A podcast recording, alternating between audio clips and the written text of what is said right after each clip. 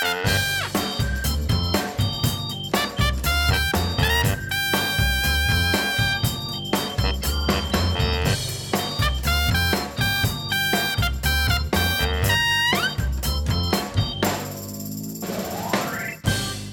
week na de ophef over de Nashville-verklaring en het vuurwerk in onze Rick en Jeffrey podcast zit hier Dick, die vanuit Nashville is overgevlogen naar Nederland om zijn visie te geven. Goedemorgen Jeff.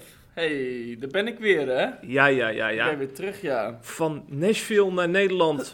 Hoe was het om de verklaring te ondertekenen daar? Het was perfect. Ja? Zeker. je handtekening ik heb het met hele hart gedaan. Met je hele hart? Ja, sowieso. Oké, De oké. Nashville-verklaring, wat een prachtig stuk is dat toch? Ja. Ja, toch? Maar jij bent serieus in Amerika geweest, hè? Mensen Ja, denken ik ben dat ik een wel grapje maak. Ik ben wel naar Amerika geweest inderdaad, maar ik ben niet in Nashville geweest. Oh, oh. Maar wel in eh, Los Angeles en nog een paar van dat soort plekken. Oké. Dus, eh, en, eh, dus ik dacht lekker helemaal afgesloten van het Nederlandse volk en van alle Nederlanders.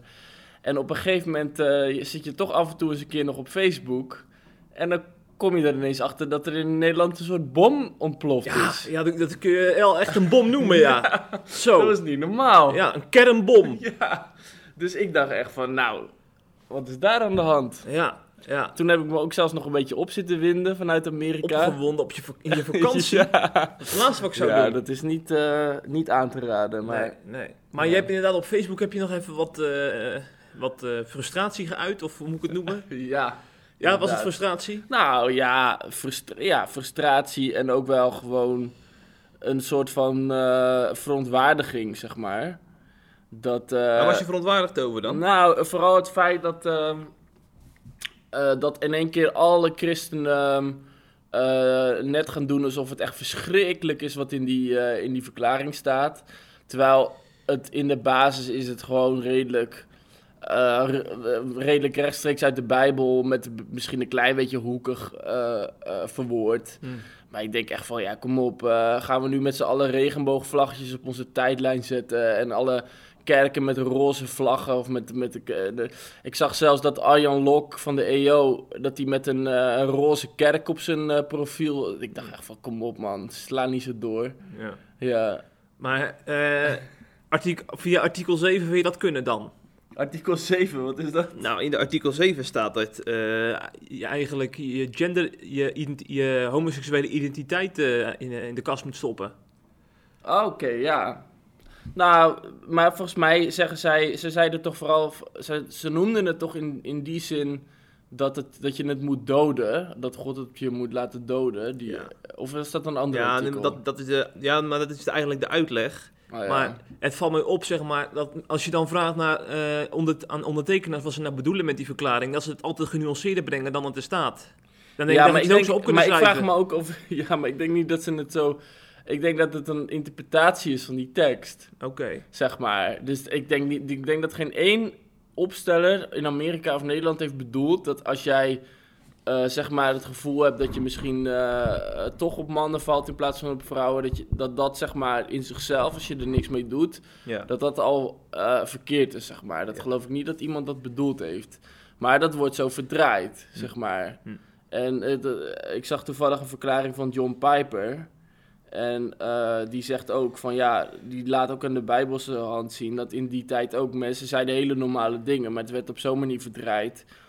Eh, bijvoorbeeld bij Jezus, dat hij gewoon heel simpel zegt over de tempel op, op- afbreken en opbouwen. En het werd zo'n manier verdraaid dat iedereen het zo ging brengen alsof hij de tempel zou gaan verwoesten of zo Ja, ja. zeg maar. En dat is bij deze Nashville-verklaring ook. En dan moet je gewoon niet van opkijken, want dat heeft Jezus ook al gezegd, dat mensen je woorden gaan verdraaien. Hm. En eh, ja, eh, ja, je moet het toch allemaal een beetje aandikken om er een goede ruil van te kunnen maken. Ja, oké. Ja. Wij eh, gaan nog eventjes eh, de nasleep van de Nashville-verklaring ophef eh, doornemen in deze podcast. Want Ja. ja, ik had graag al de nieuws besproken met onze lieve luisteraars. Maar er is gewoon geen ander onderwerp waar christenen het momenteel over hebben. Dus dan is de enige conclusie dat we toch nog over Nashville moeten Ja, doorpraten. Je bent een beetje slaaf van je eigen succes geworden. Ja, Jeff. daar komt het dan op neer. Hè? Ja. Ja. Ja, Maar Heftig, Dom- dominee Klaassen, dat is dus een, hij is een van de ondertekenaars van de Nashville-verklaring. Hij vormde dominee uit Arnhem-Muiden. in, eh, in de Revenhoek wel, eh, ook wel een prominente dominee, kan, kun je toch wel zeggen. En hij heeft een blog geschreven waar, waarbij hij zeg maar in de, een soort reconstructie beschreef hoe het in zijn ogen allemaal gegaan is. En zijn kijk op de zaak. En ik moet zeggen, er is toch nog wel ehm, eh, het nodige over te zeggen. In de zin van dat ehm, het, het, het verhaal achter de Nashville-verklaring toch wel weer genuanceerder ligt dan we vaak denken. Mhm. Want eind vorig jaar is er in het Reformatorisch Dagblad is er een opiniestuk verschenen van Maarten Kater en Arnold Huigen, twee hoogleraren van de Christelijk Gereformeerde Kerk. En zij hebben, voordat de Nashville-verklaring zeg maar, gepubliceerd werd, hebben zij eh, hun kijk op de zaak gegeven. Ze hebben die verklaring eigenlijk al eh, intern gelezen. En toen hebben zij in het RD eigenlijk eh, toch- zo- een, soort van proberen eh, mensen tegen te houden om die verklaring eh, te ondertekenen. Door, door te stellen dat die verklaring dus ongenuanceerd is, niet pastoraal genoeg is. En ook theologisch nogal ja, niet helemaal zuiver op de graad is. En eh Klaassen zegt nou in zijn opiniestuk dat, dat het niet helemaal eerlijk is, omdat zij er eigenlijk, eigenlijk op de troepen vooruit hebben gelopen. Mhm. En eh, daardoor moest die Nashville-verklaring in zijn ogen ook in, in eh, hele grote snelheid worden gepubliceerd, omdat ze wel moesten, omdat die, eh, dat opiniestuk van Kater en Huig al in het, in het Reformatorisch Dagblad stond. Oh. Ja. Dat, dat is natuurlijk wel een beetje opvallend, omdat je dat zou verwachten van, als je dan zeg maar een, een opiniestuk stuurt, dan, dan moet wel die verklaring al online staan, want Ja. anders kunnen mensen die verklaring helemaal niet lezen. Mhm. Dus dat is natuurlijk wel een, een kanttekening. Nou is het wel zo dat eh, wij, dit ook weer het verhaal van Klaassen is. Want eh, ik heb gisteren nog even gebeld met het Reformatorisch Dagblad. En ze zeggen ook weer dat, eh, ja, dat wanneer zij een opiniestuk krijgen van twee hoogleraren over zo'n urgente kwestie in de kerk, Mhm. dan kunnen ze die niet weigeren. En, Nee. en dan hadden de Nashville-ondertekenaars toch wat slimmer moeten handelen. Ah ja. Want die Nashville-ondertekenaars hebben dus eigenlijk alle eh dominees in Nederland in, in hun eigen hoek dan benaderd om die verklaring te ondertekenen. En dan weet je dus ook dat er dominees zijn die zich daar niet in kunnen vinden. Nou, Mhm. en, en er zijn blijkbaar dus ook twee dominees die dan een opiniestuk sturen, omdat ze dit zo'n, in hun ogen zo'n eh, slecht stuk vinden, zo'n slechte verklaring vinden, dat ze toch eh, de neiging hebben om collega's te waarschuwen in de krant. Dus dit Ja. heeft een beetje twee kanten. Maar ik denk dat Klaas wel een punt heeft door te stellen dat, eh, ja, dat, ze, dat ze toch wel heel snel die verklaring moesten online zetten. En daardoor ook wel dingen mis zijn gegaan qua communicatie. Mhm. Hè? Ondertekenaars die niet echt toestemming hebben gegeven voor die verklaring. Eh, misschien nog eh, wat te weinig nuances in, ingebracht, omdat, ze- omdat ze snel moesten reageren op dat opiniestuk van Kater en Huigen. Ja. Dus dat is dan wel weer, eh, ehm, ja, misschien dat toch weer een, een punt voor, eh, voor de voorstanders. In die zin dat ze, dat ze toch een beetje op, eh, op het verkeerde been zijn gezet daardoor. Mhm. Ik denk Ja. dat mensen dat niet moeten vergeten dat er ook een kerkelijk spel aan de gang is op de achtergrond. Ja, klopt. En in algemene zin, eh, wat ik zeg maar heel erg signaleer, is dat ik bijna heel christelijk Nederland hiermee zie wegduiken, weet je, met dit hele verhaal. Want mensen willen allemaal graag bij het deugende kamp horen, zeg maar. Dus ze willen allemaal aan de schreeuwende atheïsten laten merken van, kijk, zie hoe correct ik ben. Dus eh, ik ben er ook tegen, weet je. Dus mensen hebben heel erg de neiging om, zeg maar, te laten zien hoe... eh, ja, hoe, de, hoe, hoe, fatsoenlijk ze zijn of zo, zeg maar. En dan, dan roepen ze allemaal van ja, het was niet pastoraal, bla bla. Maar we weten allemaal dat als je zegt dat homoseksualiteit de zonde is, hoe liefdevol je het ook zegt, het levert altijd boosheid op, zeg maar. Eh, want mensen accepteren het gewoon niet meer in deze tijd. En eh, ik zou zeggen van, eh, ja, raak er maar gewoon aan gewend dat deze reactie er komt. En als je zoveel van de Bijbel houdt, ja, het kan je je reputatie kosten in de wereld, weet je. En volgens mij heeft Jezus dat ook tegen elke christen gezegd. En eh, nou ja, nu komen al die christenen met regenboogvlaggen en inclusief dit en dat. En eigenlijk vind ik het een heel klein beetje lafjes, want ehm, zeg maar, er komt nu een soort van storm op en in één keer duikt iedereen weg, zeg maar. Die duikt er weg dan. Nou, mensen die dan ineens zeggen van ja, oh nee, ik heb hier niks mee te maken. Eh, dat, eh, zeg maar, dus ze gaan heel erg laten zien hoe, hoe ver ze van dit principe afstaan. Terwijl die Nashville-verklaring is, eh, nou ja, goed, misschien kan, kan het iets beter verwoord worden, maar het is gewoon heel simpel van oké, dit staat er in de Bijbel en deze lijn trekken wij, zeg maar. En dat is denk ik keihard nodig, omdat, Ja, maar- omdat de, Nederland, omdat de kerk heel hard aan het verschuiven is op dit punt. Ja, ja, ja. Mag, mag, mag ik je even onderbreken? Want ja. Jij zegt, eh, eh, het staat klip en klaar in de Bijbel. Maar dat is juist het hele punt. Je hebt dus heel veel christenen in Nederland die, die onderschrijven die, eh, die, eh, die, die visie van, eh van dominee Klaassen en jou. Mhm. Maar je hebt ook heel, heel veel christenen in Nederland, die zijn hier nog niet eh, over uitgetheologiseerd. Die beleggen nu allemaal studiedagen om erover eh door te praten, om, zich- om zich te verdiepen in wat de Bijbel hierover zegt. Dan kun je toch niet stellen van dat het dat allemaal zo klip en klaar en, en helder is. Nou, volgens mij staat het er juist wel klip en klaar in. En eh, eh, ja, als mensen daar dan een soort van hele theologische visies op willen houden en met context, dit en dat, dan denk ik van ja, ga je gang maar. Maar eh, ik lees gewoon de Bijbel zoals het er staat. En ik vind het, kijk, die mensen die, die zeg maar hierover twijfelen, die twijfelen over honderd andere dingen ook. De meeste mensen geloven ook niet in de schepping in zeven dagen en een heleboel andere principes. En dan denk ik van, nou, eh, ga lekker je gang, maar eh, val mij er niet mee lastig, zeg maar. Ja, ja, ja. Maar ik moet toch even zeggen dat ik, dan vind ik het wel jammer dat dan, als je, als je dit standpunt bent, bent toegedaan, dat je in een verklaring zet dat iedere goede christen ook echt volgens hun lijn zou moeten denken. Dan denk ik van, eh, nou, maar ik denk dat dat wel, ik denk, kijk, zeg maar, dit is, dit gaat over het feit dat God is een heilige God, zeg maar. En ja, maar dat denken die tegenstanders ook. Alleen die vullen dat Nou. anders in. Ja, nou ja, ik ben. Ja, misschien moet ik me een beetje inhouden, maar ik heb echt. Als mensen daar zo eh, uitgesproken over zijn, ik zet echt mijn vraagtekens erbij. Ik neem die mensen dan echt minder serieus. Oké. En, eh, en waarom? eh, kijk, en mensen, kijk, heel Nederland, zeg maar, al heel veel christelijke, Ne- christelijke Ne- Nederlanders, die laten nu al die Nashville mensen in, in de kou staan. Die krijgen zeg maar van de hele seculiere media al de wind van voren. En dan gaan we ook als christenen nog van, oh nee, maar daar hoor ik niet bij. En eh, dat, zeg maar, de, de, de schuiven het heel erg op hun. Terwijl je ook kan stellen, als één broeder leidt, dan leidt de rest mee, zeg maar. Weet je, Ja. dat vind ik wel een belangrijk iets. Ja, maar er werkt wel, wel twee kanten op, hè. Want die, die mensen die zeg maar eh, tegen die verklaring zijn, Mhm. die hebben ook reacties uit een kerk gekregen van mensen die, die beschadigd zijn geraakt door deze verklaring. Omdat ze, ze zitten misschien in een pastoraal traject met een dominee en eh, eh, ze hebben allemaal vertrouwen opgebouwd.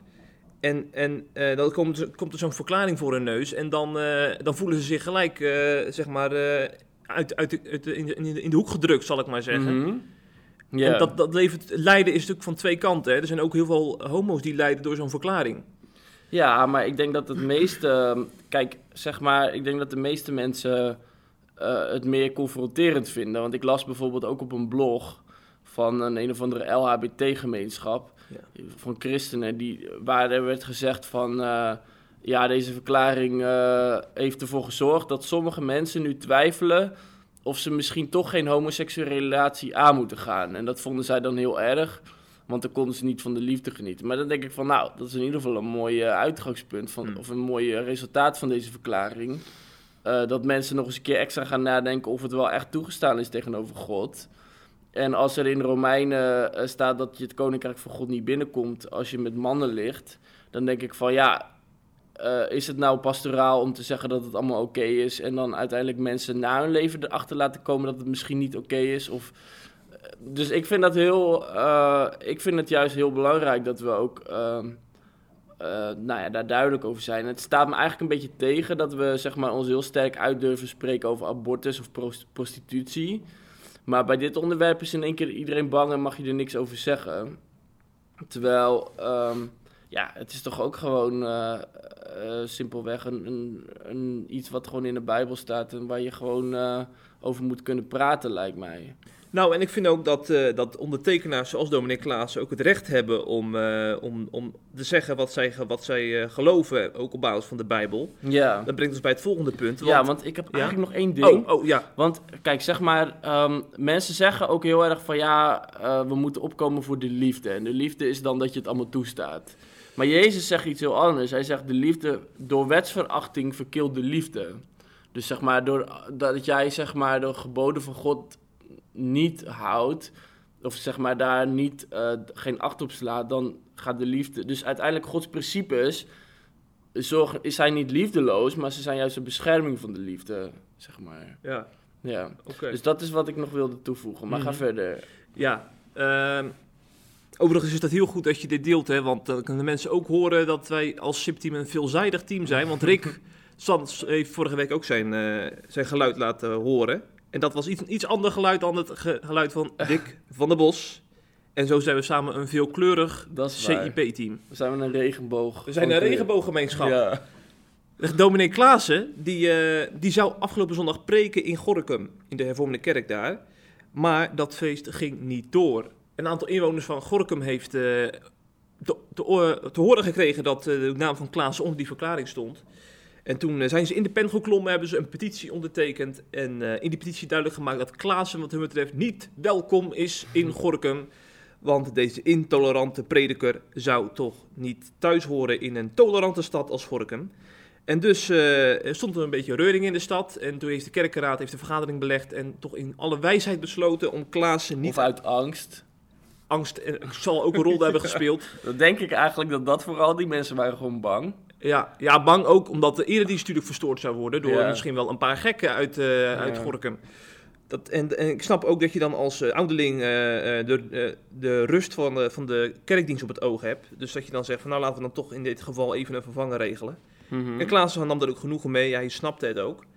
Alleen eh, een aantal zaken vielen mij dan op in dit hele gebeuren. Want eh, dan zie je dus op social media zie je een toch wel intelligente journalist als Bart Schut. Iemand die schrijft voor het eh, Nieuw Israëlitisch Weekblad. Die, die gaat dan zo'n dominee framen als haatprediker. Het is, hij vindt het dus goed dat dominee Klaassen wordt geweerd omdat hij eh, die Nashville-verklaring heeft ondertekend. En dan denk ik van... eh, allereerst hebben heel veel mensen die, die zo losgaan op mensen als Klaas helemaal die verklaring niet gelezen. Die gaan dan af op allerlei uitspraken in de media bij Jinek en in allerlei andere talkshows. En op basis daarvan gaan ze dan zeg maar al die dominees eh, framen en zwart maken. En dan denk ik van, het is al heel makkelijk om te zeggen haatprediken, maar ga nou eerst eens even je verdiepen in, in, de, in, in, in, de motivatie van Klaassen om zo'n verklaring te ondertekenen. Hij was bij Nieuwsuur en heeft hij gewoon uitgelegd van ja, ehm, wij, wij staan voor onze orthodoxe eh, christelijke principes en die willen wij door middel van deze verklaring uitdragen. Hij heeft ook nog in, die, in Nieuwsuur gezegd dat hij helemaal niet heeft bedoeld dat eh, homo's zouden moeten genezen van hun geaardheid, dat ze hetero zouden moeten worden. Ze willen alleen een signaal afgeven en ook duidelijk maken dat, ehm, ja, dat, dat ze, wat jij zegt, dat ze andere principes aan, eh, aan, eh, aanhouden dan, dan zeg maar de Nederlandse samenleving. Mhm. Door de homoseksualiteit en eh, homoseksuele identiteit uit elkaar te houden. Ik moet zeggen, als je dat dan zo duidelijk kan verwoorden in nieuwsuur, zit het dan ook zo duidelijk in die verklaring. Maar dat even tussen haakjes. Maar ik, ik heb dan zoiets Je van... was nogal geschrokken van de verklaring, of niet? Ja, nou ja, ik, ja ik, vind het, wel- ik vond het kil overkomen, ja. Maar dat is een andere, andere discussie. Maar ik, ik denk dan van, ga zo'n Klaassen dan niet framen. Ga dan gewoon, eh, bel hem op of, eh, of, of verdiep je in zijn standpunten. En wat dan ook helemaal zo dom is, is dat je dan zelf als petitieondertekenaar op de, jezelf op de borst klopt als tolerante Gorkummer. Hè? Wij zijn de toleranten.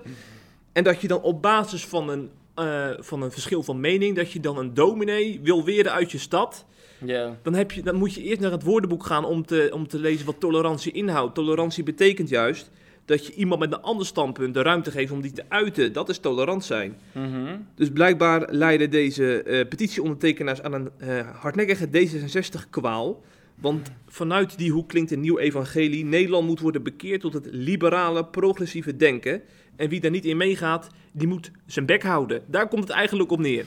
Ja, dat is wel grappig inderdaad. Want ik zat ook nog. eh, even kijken hoor. Johan Snel, die ken je ook nog wel, toch? Dat was onze oud-docent van de CAE. We hebben eh, voor de mensen eh, thuis, wij hebben bij elkaar in de klas gezeten op de CAE.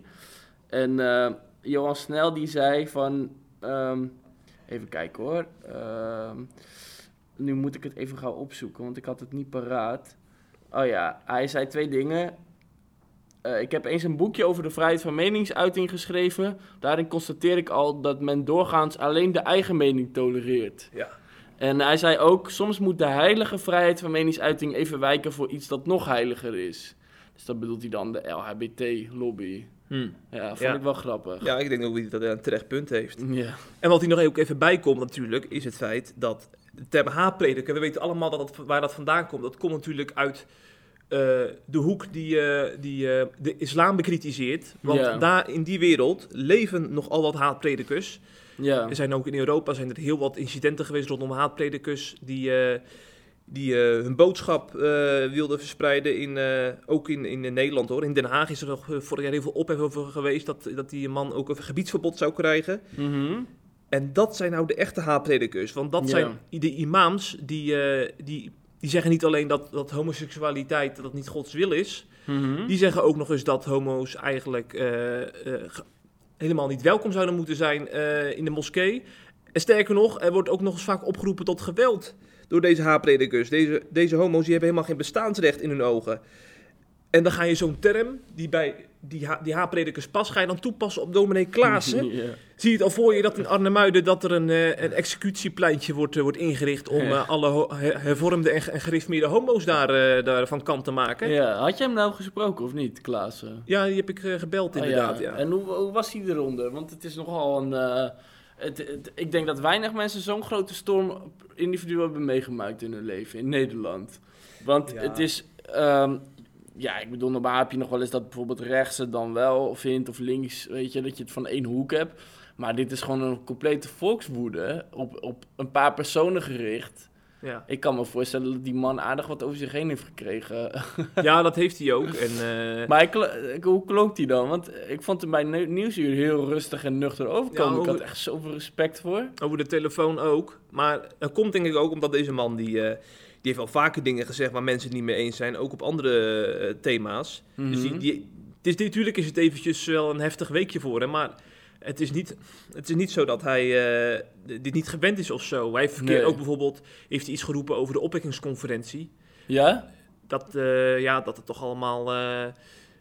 eh, dat het allemaal eh, toch wel best wel... eh, ja, ik weet niet meer hoe hij dat zei. Maar in ieder geval, hij opende door middel van een blog opende hij de aanval op de co- opwekkingsconferentie. Want hij vond het allemaal toch niet zo goed dat de reformatorische christenen daar naartoe zou gaan, zeg oh maar. ja, ja, ja. En daar heeft natuurlijk ook heel veel kritiek op gehad. eh, Een storm van kritiek. En Ja. Maar Dus dit is wel een het ander level. dit is wel... Ja, oké, nu heb je natuurlijk ook de ik denk seculiere niet dat eh NOS Journaal opent met een kritiek op opwekking. Nee, nee, nee, dat doet, dat doet SIP alleen. Ja. Ja. Ja, ja, Maar hij zegt dat hij ook heel veel positieve... Hij heeft meer positieve reacties gehad dan negatieve reacties. Ja. Dat komt ook natuurlijk omdat hij in Arnhem-Muiden woont. Dus eh, Mhm. als, hij als hij in Amsterdam zou wonen, dan zou zijn woning al lang... eh, Maar Bekogeld het zijn. valt me ook wel echt op hoor, dat je bijvoorbeeld bij de achterban van SIP... eh, als je kijkt naar de reacties eronder, die worden het meest gewaardeerd juist als ze heel erg pro-Nashville zijn. ja, Dus onze achterban is er ook voor, zeg maar voor Nashville. ik denk als je een peiling zou houden, dan, eh, Ja. dan komt dat eh, wel zo uit. Ja. Dat brengt ons, nu je het toch over onze achterban hebt, bij, bij Pieter, Pieter. van der Leer. Is dat, onze, is dat een trouwe lezer? Dat is geen trouwe lezer, maar onze achterban was lovend over zijn, eh, over Dat zijn verhaal. Dus daarom moest ik aan deze Pieter denken. Ja, misschien kijkt hij ook wel, heeft hij ook SIP. eh. Dat zou, dat zou best kunnen. Pieter, als je luistert, we hebben heel veel respect voor je. Je hebt een geweldig verhaal verteld. En geef ons vijf sterren op de po- CIP-podcast. maar deze jongen die was dus bij de NOS. Hij wordt SIP Plus lid. Wordt C plus Ja. lid. Ja, doe dat nog eventjes. In plaats van bij de NOS je verhaal... eh.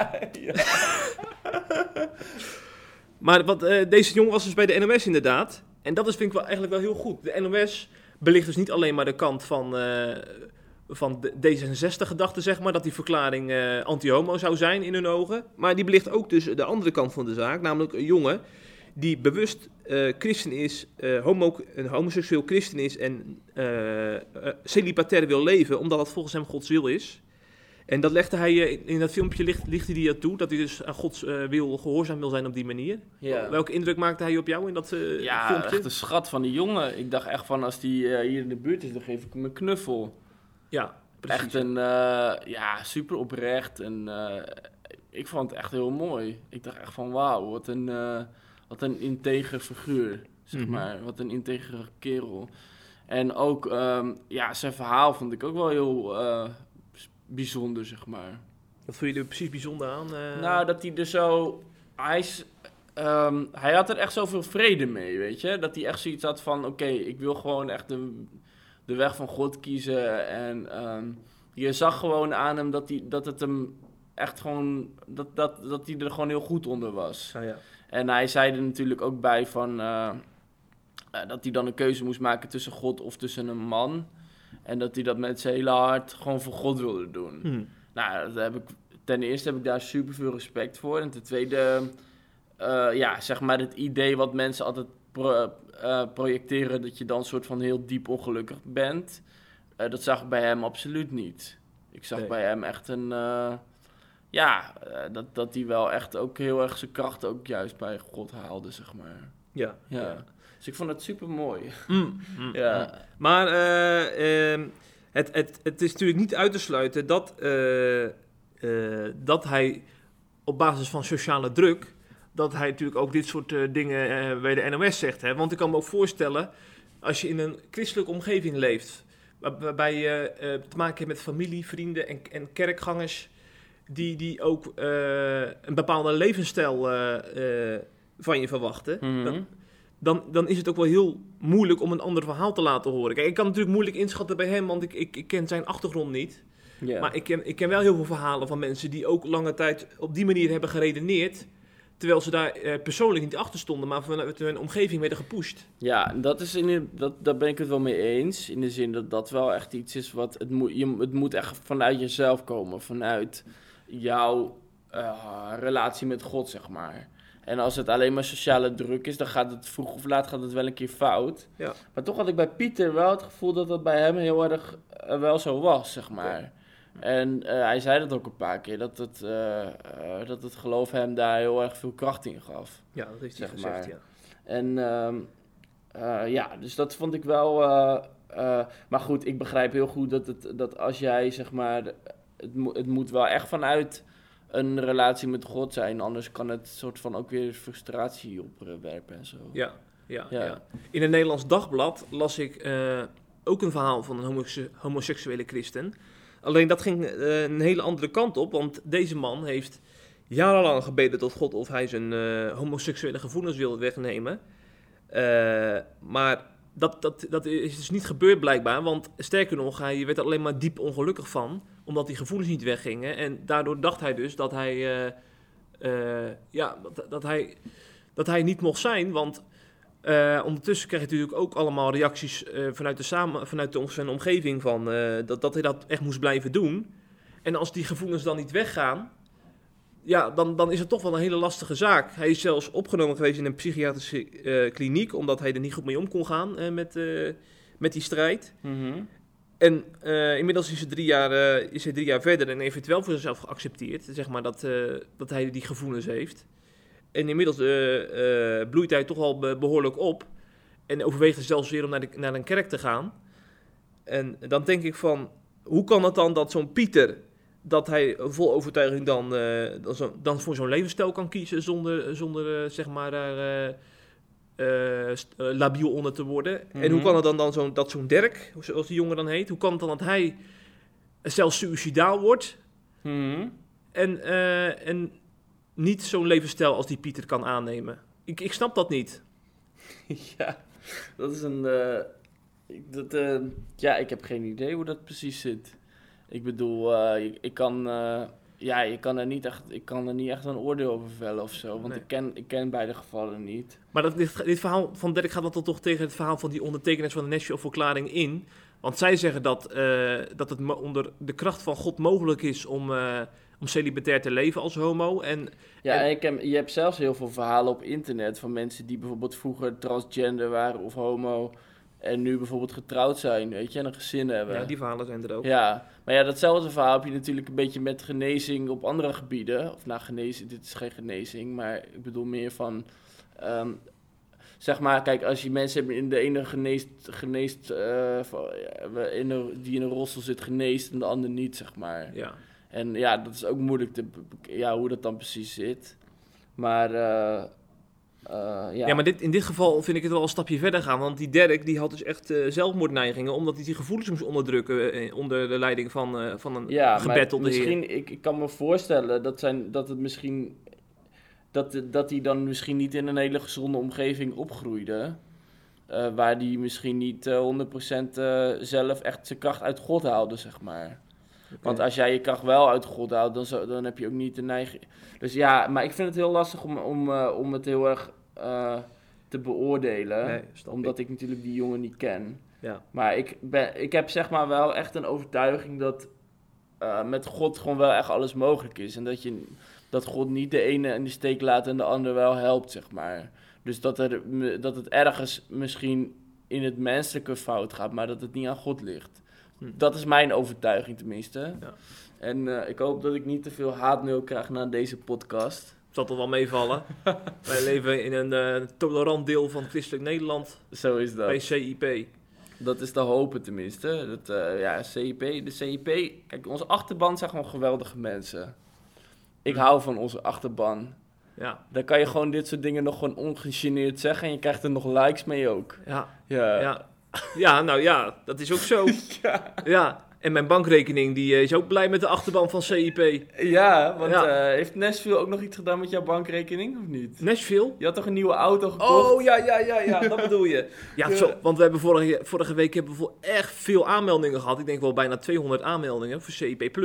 Ja. En we hebben ook wel meer dan 300.000 hits eh, gescoord. Zo. Dan willen we natuurlijk niet zeggen dat dat ons doel is. Maar dat is toch mooi meegenomen dan. Zeker eh, mooi meegenomen. Ja, want daardoor kunnen wij eh, toch wel eh, weer onze personeel betalen. Kunnen we weer mooie kasten bij de IKEA kopen. Ja, Want ons kantoor moet ook worden ingericht. We zijn verhuisd. ja klopt. We, zijn, we zitten niet meer bij de PKN. Ja, Ja, dus dat is wel een dingetje inderdaad. Dus jij, je bent in die zin hebben we de garen bij gespind. in die zin wel, ja. ja. Dus als je eh, ooit nog overweegt om een verklaring te, te ondertekenen, doe het dan zo ongenuanceerd mogelijk.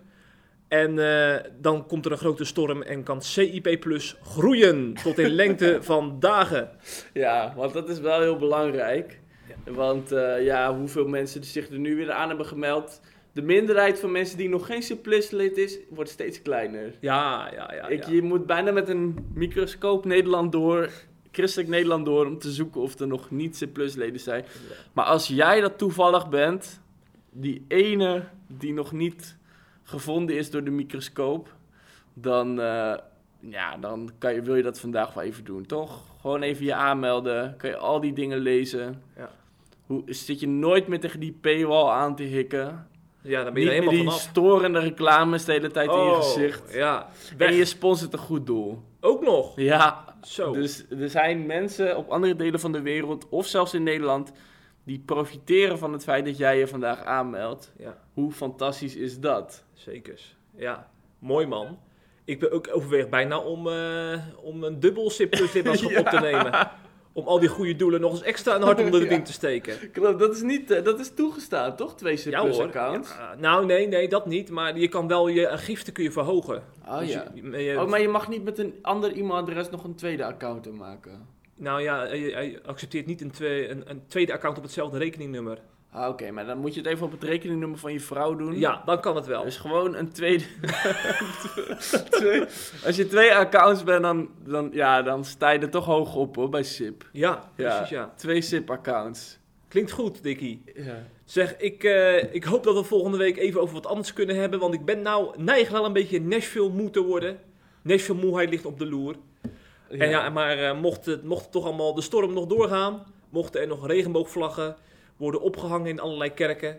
En mochten dominees worden gedwongen om een regenboogpak aan te doen eh, aanstaande zondag. Nou, die tijden zijn dichtbij. Ja, nou dan... dan We eh, leven in de tijden van Noach, zeggen mensen.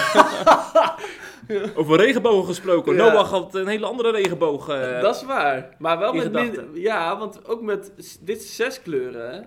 Oh ja, De homo-regenboog is zes kleuren, terwijl die van Noach zeven was. oké. Ja, een Dus kleurtje daar meer. zeggen mensen ook weer dat dat symbolische getallen zijn. Ja. Zes en zeven. Zo. Ja. Wij zien jullie... Maar dat, eh, dat, eh, ik zeg niet, dat is gewoon iets wat ik citeer. En ik, ik wil ook weer, kijk, ik wil ook weer niet al te hard. eh, dus ik zal niet zeggen dat ik die uitspraak onderschrijf. Nee. Maar misschien is het wel zo. Oké, nou laten we maar in het midden dan. Tot volgende week zeggen wij.